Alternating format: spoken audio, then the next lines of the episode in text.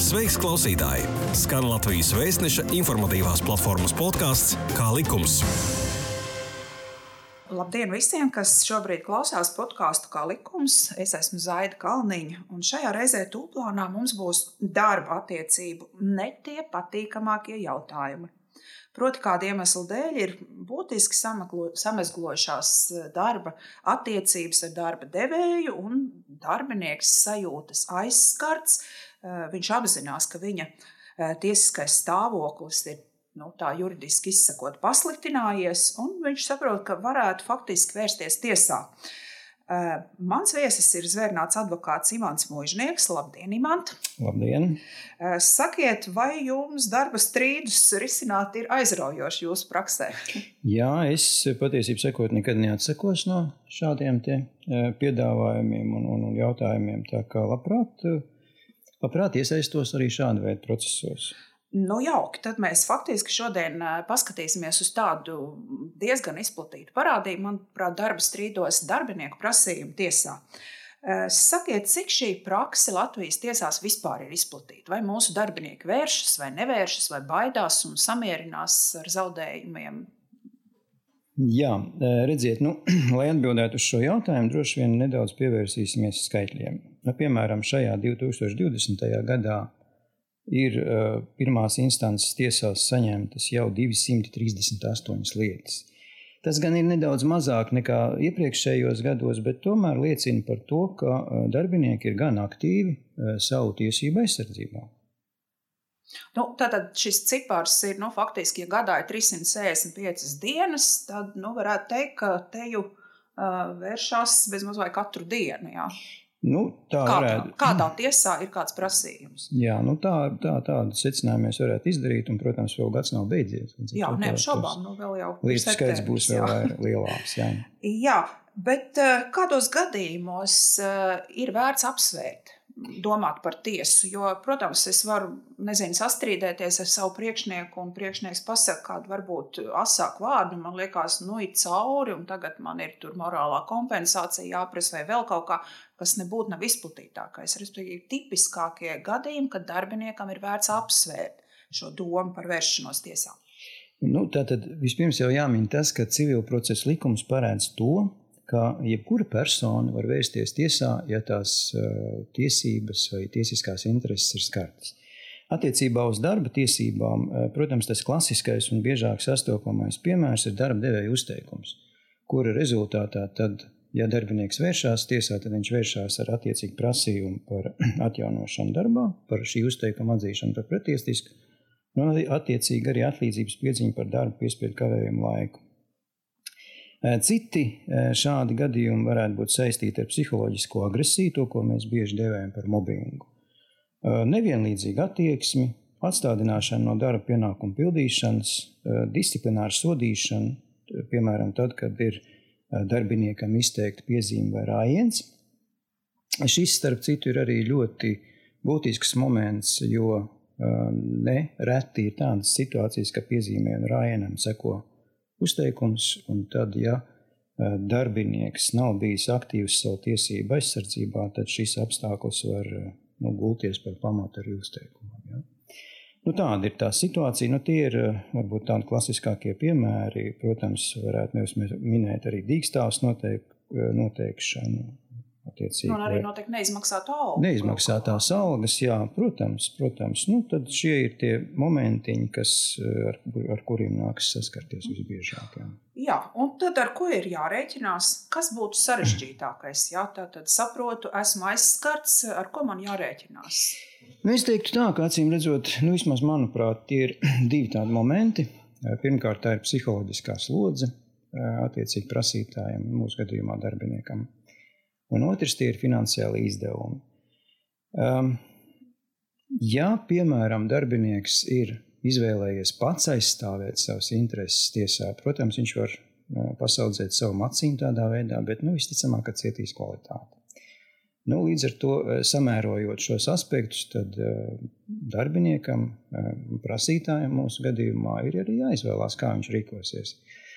Attiecībā uz to, kas ir sarežģītākais, nu teikšu tā, ka droši vien izvēlēties pareizāko pārstāvi. Tas nebūtu nav viegls uzdevums, jo Latvijā šobrīd ir ap 1300 praktizējošu advokātu.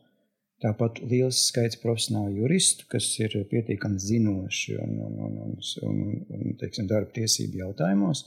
Līdz ar to eh, grūtākais, acīm redzot, būs izvēlēties pareizo pārstāvu juridiskās palīdzības sniegšanā.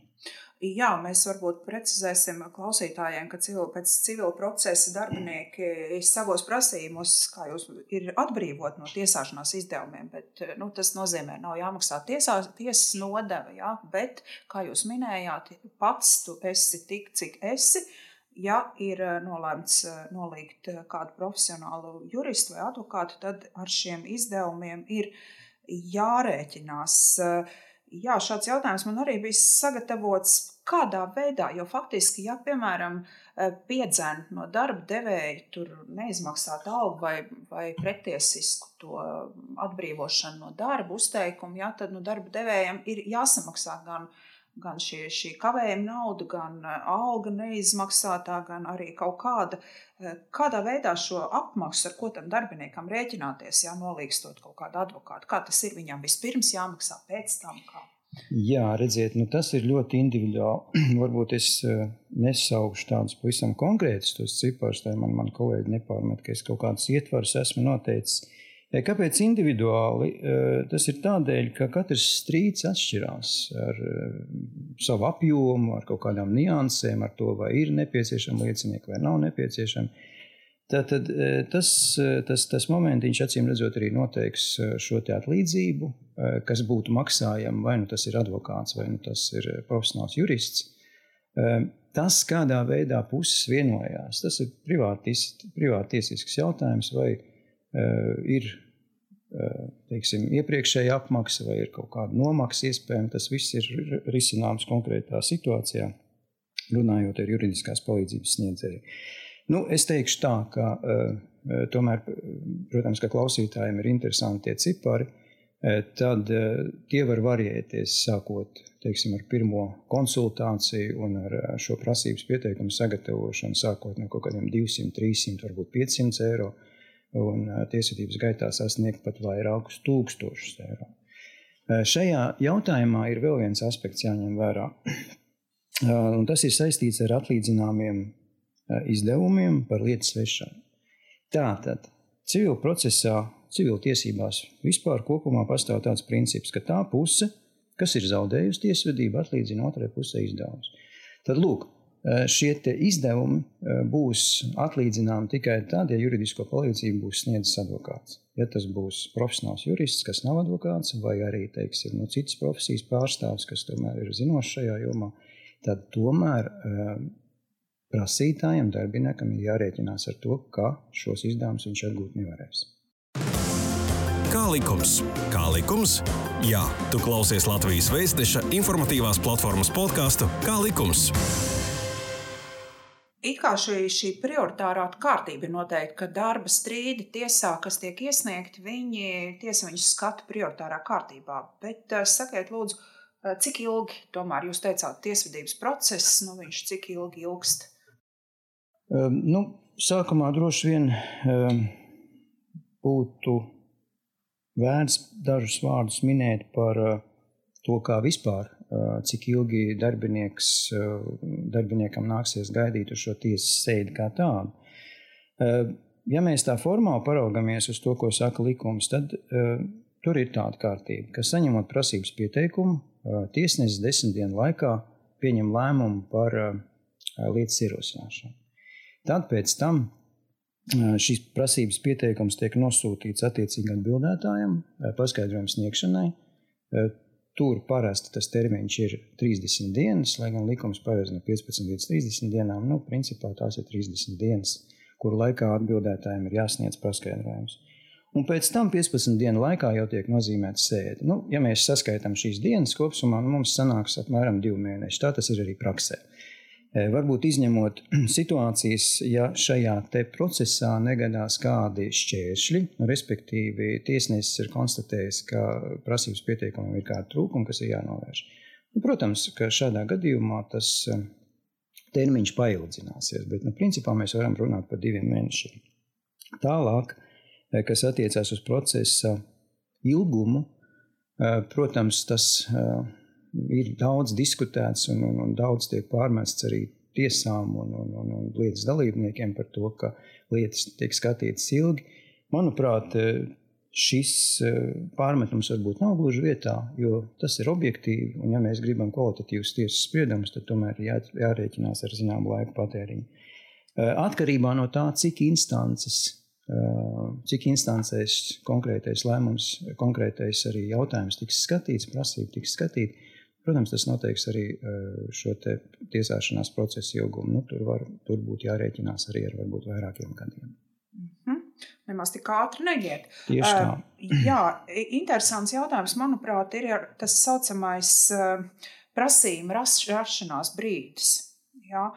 It kā darbinieku prasība noilgst vispārēji divu gadu laikā no tā rašanās brīža, ja likumā nav noteikti citādi, un tur ir, protams, atbilstoši tiem darba likuma pantiem, arī ir šie likumā noteikti citādi, bet uh, tur tās konkrētās situācijas neiztirzāsim. Ko vispār, nu kā var tā vienkārši pateikt, kas ir tas prasījuma rašanās brīdis?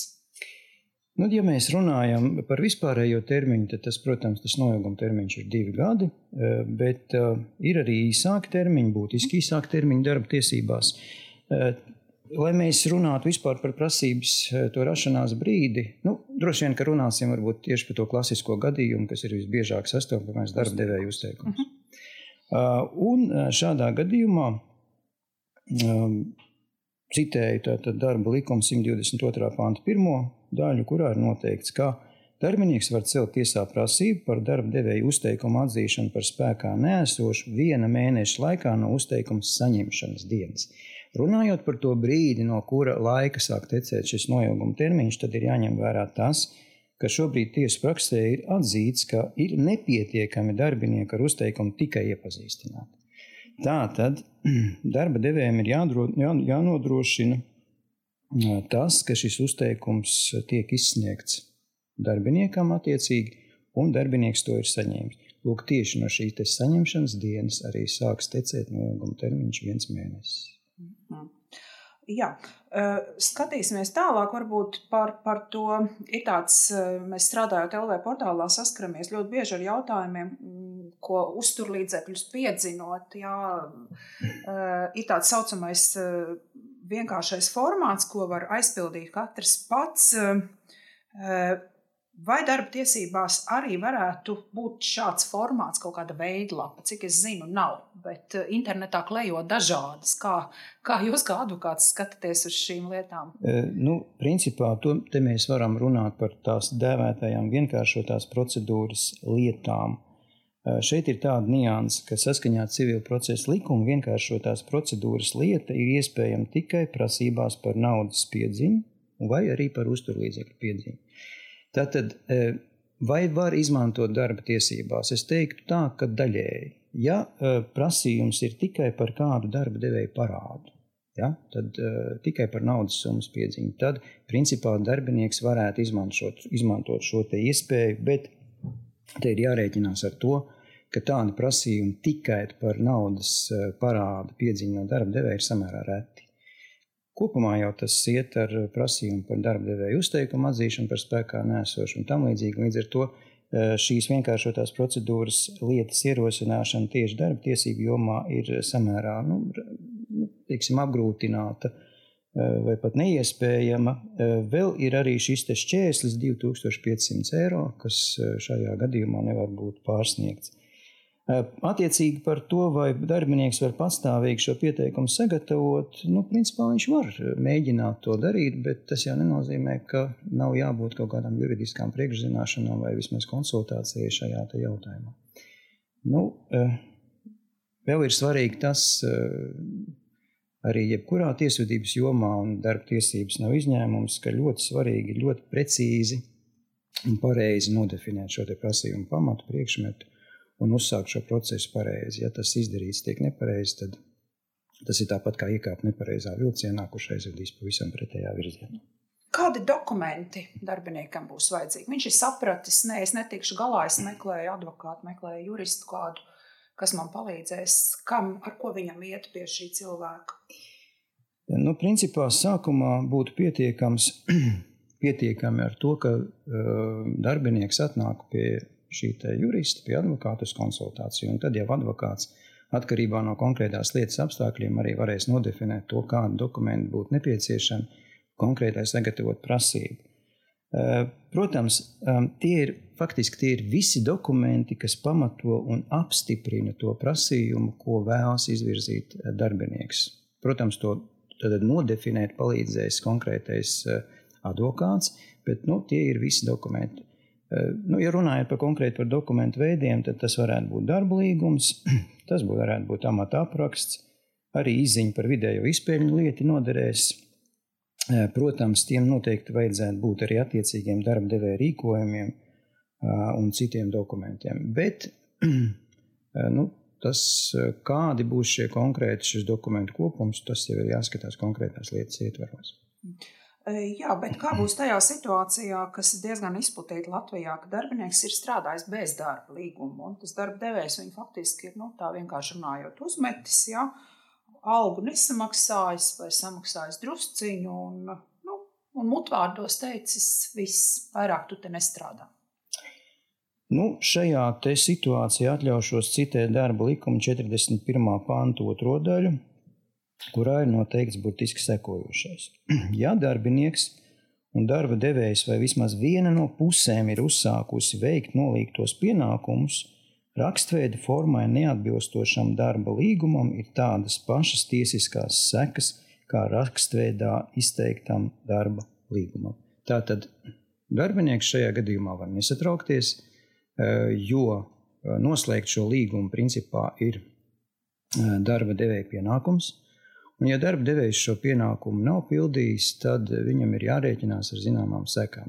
Cits jautājums ir tas, kādā veidā tad šis darbinieks spēs argumentēti pamatot šo savu viedokli, prasījumu par to, ka tā norunātā, norunātā naudas summa bija nu, konkrēti tā, kā viņš uzskata, tik, cik viņš ir norādījis.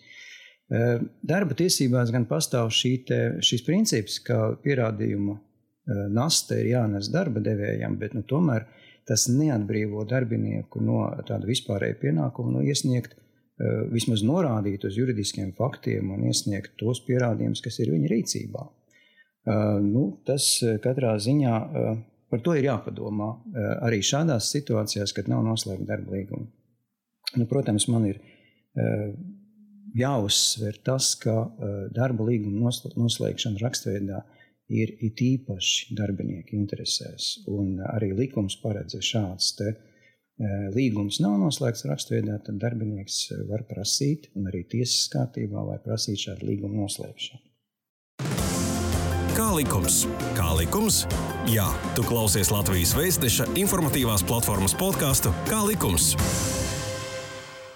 Vai darbinieks, kam ir pašam nu, likts uzrakstīt tā eh, saucamo uzteikumu, kas arī ir diezgan izplatīta praksa, ja, vai varbūt darba attiecības jau nodibinot, saka, nu, paraksti tu te kaut kādu baltu lapu mazums, kas būs vajadzīgs, iesniegums tevs un tā tālāk. Un, un beigās pret viņu paša gribu faktiski tiek eh, sagatavots jau šis it kā darbinieku paša uzteikums. Ehm, bet šis cilvēks nu, negrib iet no tā darba prom. Protams, palikt tur būs grūti, bet nu, viņš negrib, viņš jūtas eh, tiešām uzmests, ka viņam ir likts pašam uzrakstīt, vai viņa vietā ir uzrakstīts uzteikums. Ko jūs ieteiktu šādā situācijā cilvēkam darīt? Nu, vispirms jau likums arī šādā situācijā dod tiesību darbiniekam mēneša laikā no atlaišanas dienas celt prasību tiesā par viņu atjaunošanu darbā. Tātad tā ir imperatīva norma. Nu, runājot, runājot atkal par tiem pierādījumiem. Būtībā šeit noderētu jebkādi pierādījumi. Tie varētu būt liecinieki, tie, var, tie varētu būt pat audio ieraksti, ņemot vērā to, ka ja darbiniekam nav bijusi cita iespēja, kā nodrošināt eh, vai nu, cīnīties par savu taisnīgumu, pierādīt savu taisnību tiesā. Tās var būt e-pasta saraksts un tam līdzīgi dokumenti, kas, kas uz to visu norāda. Eh, ko darīt eh, nu, šādam, šā, šādā situācijā darbiniekam? Es teiktu, tā, nu, ja tas ir iespējams, vismaz pašam pieturēties pie tā, ko saka likums, respektīvi, ka darba uzteikums nav jāparaksta pretēji savai gribai. Ja darba devējs ir nodomājis uzteikt darba līgumu, tad lai viņš to dara likumā noteiktā kārtībā. Un vēl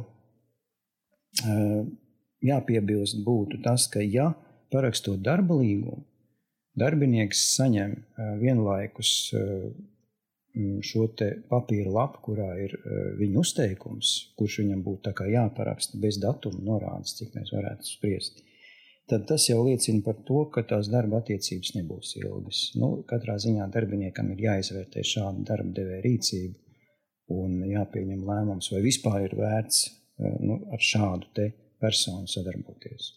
Jūs tikko minējāt to saucamo audio ierakstu kā tādu. Ja tas nebūs kaut kā cilvēks tiešām telefonā šobrīd var mierīgi ieslēgt ja, šo programmu un ierakstīt kaut kādu sarunu darba devēju, vai tas nebūs kaut kāda personas datu pārkāpšana. Jā, redziet, viedokļi šeit dalās, un ar personas datiem nu, ir tā, kā ir.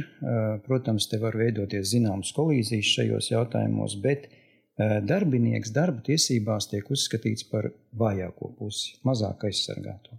Līdz ar to likumdevējs ir piešķīris eh, darbiniekam plašāku rīcības brīvību. Un vēl es minēju, ka, ja ir situācijas, kurās darb, darbinieks nu, nespēja savādāk eh, pierādīt šo, šo savu taisnību, tad, manuprāt, šāda rīcība būtu attaisnojama.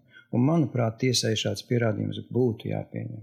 Cita lieta, ka otra puse to var apstrīdēt un rasties jūsu minētās jau, jau situācijas, kad darba devējs lūk, mēģina šādā veidā aizsargāties, nu, virzot kaut kādus varbūt prasījumus arī pret šo darbinieku.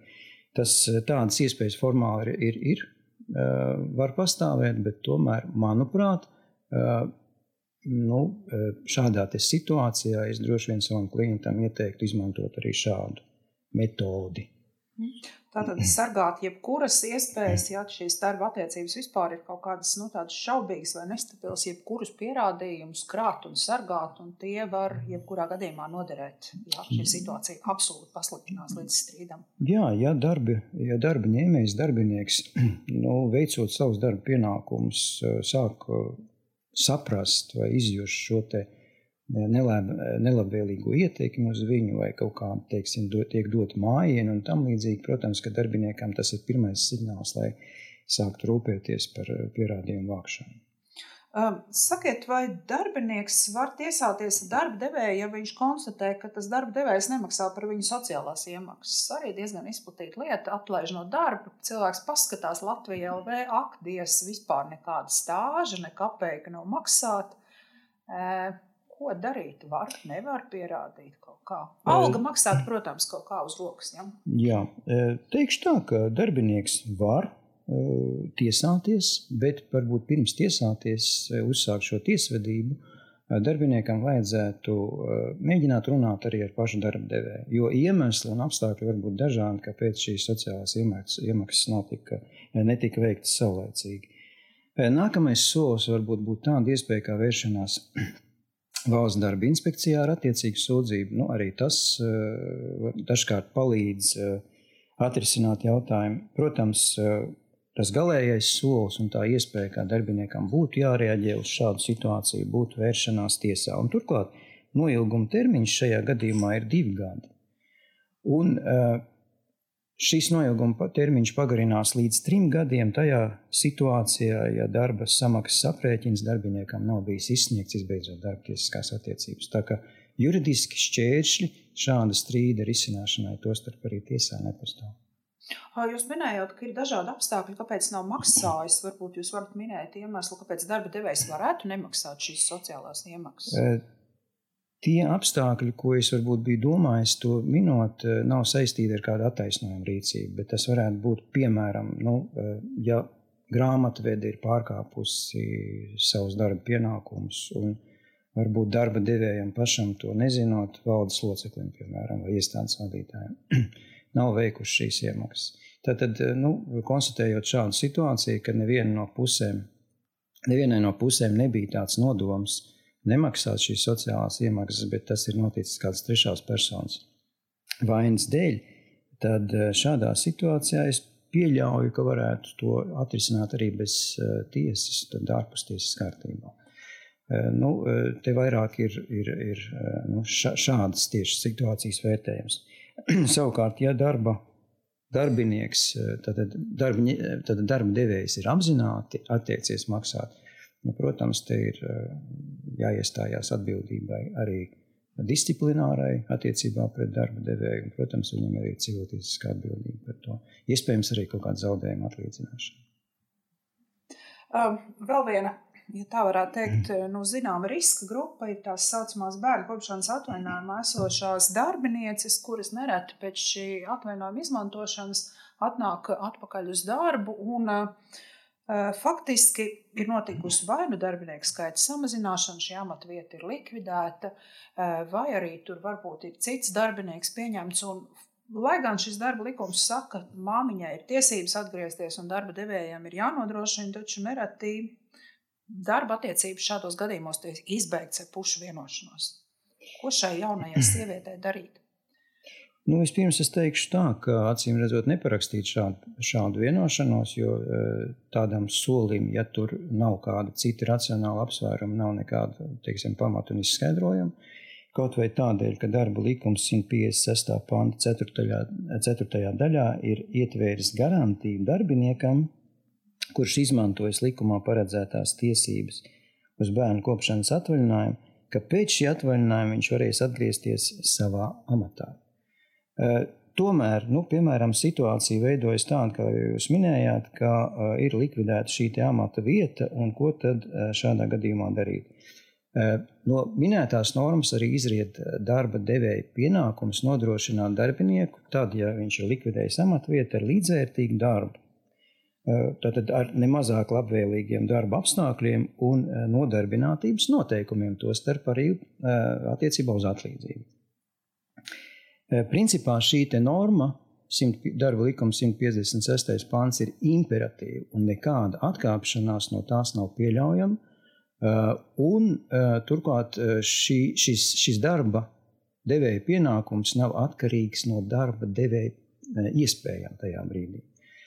Un, ja atmetot visus šos argumentus, tomēr tāda situācija ir izveidojusies un darba devējs nespēja nodrošināt ne iepriekšējo darbu, ne arī līdzvērtīgu darbu, tad šajā situācijā darba devēja pienākums ir noteikt darbiniekam dīkstāvi ar, ar vidējās izpētes saglabāšanu līdz brīdim, kamēr viņš šo jautājumu būs atrisinājis likumā noteiktā kārtībā.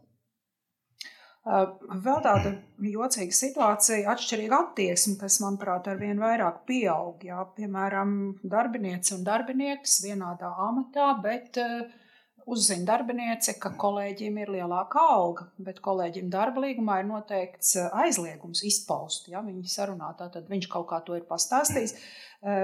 Ok, skaidrs, diskriminētā darbinieca savas tiesības panāks, algai jābūt vienādai, Bet vai darba devējs var vērsties pret šo darbinieku, kurš ir pārkāpis savu darba līguma noteikumu un izpaudis eh, šo savu atalgojumu kolēģei?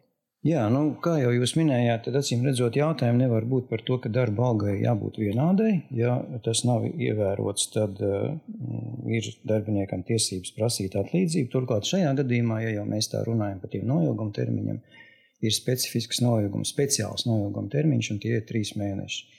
Bet jautājums par to, vai darba devējs var vērsties pret darbinieku, kurš ir izpaudis informāciju. Teikšu tā, formāli jā.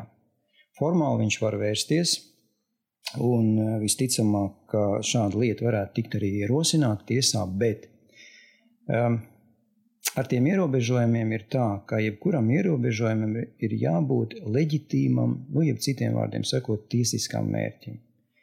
Situācijā, kad darba devējs ir noteicis kādu ierobežojumu, lai ar to panāktu faktiski likuma apiešanu, manuprāt, šāds ierobežojums nav tiesisks, un darba devējs šādā situācijā ar savu prasību nebūs sekmīgs. Turklāt, ja piemēram arī tāda situācija ir izveidojusies un attiecīgais darbinieks ir nokļuvis tiesvedībā atbildētāja statusā, viņš var celt arī pretprasību. Pretprasību par attiecīgā darba līguma, konkrētā darba punkta atzīšanu par spēkā nēsošu.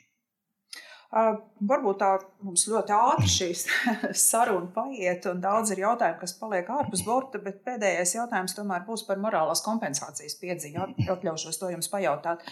Cik uh, atbalstoši tiesa ir šādos gadījumos, kāda ir tiesu prakse, uh, un pietiesājot darba devējam, nu, piemēram, maksāt šo morālo kompensāciju darbiniekam, ja, nu, piemēram, viņš ir uzteicis viņu nepamatot uzteikts darbs. Jā, tāda iespēja pastāv. Darba tiesībās morālā kaitējuma kompensācijas atlīdzinājuma tiesiskais pamats ir tātad vai nu no atšķirīgs attieksmes aizlieguma pārkāpums, vai arī aizlieguma radīt nelabvēlīgas sekas pārkāpums.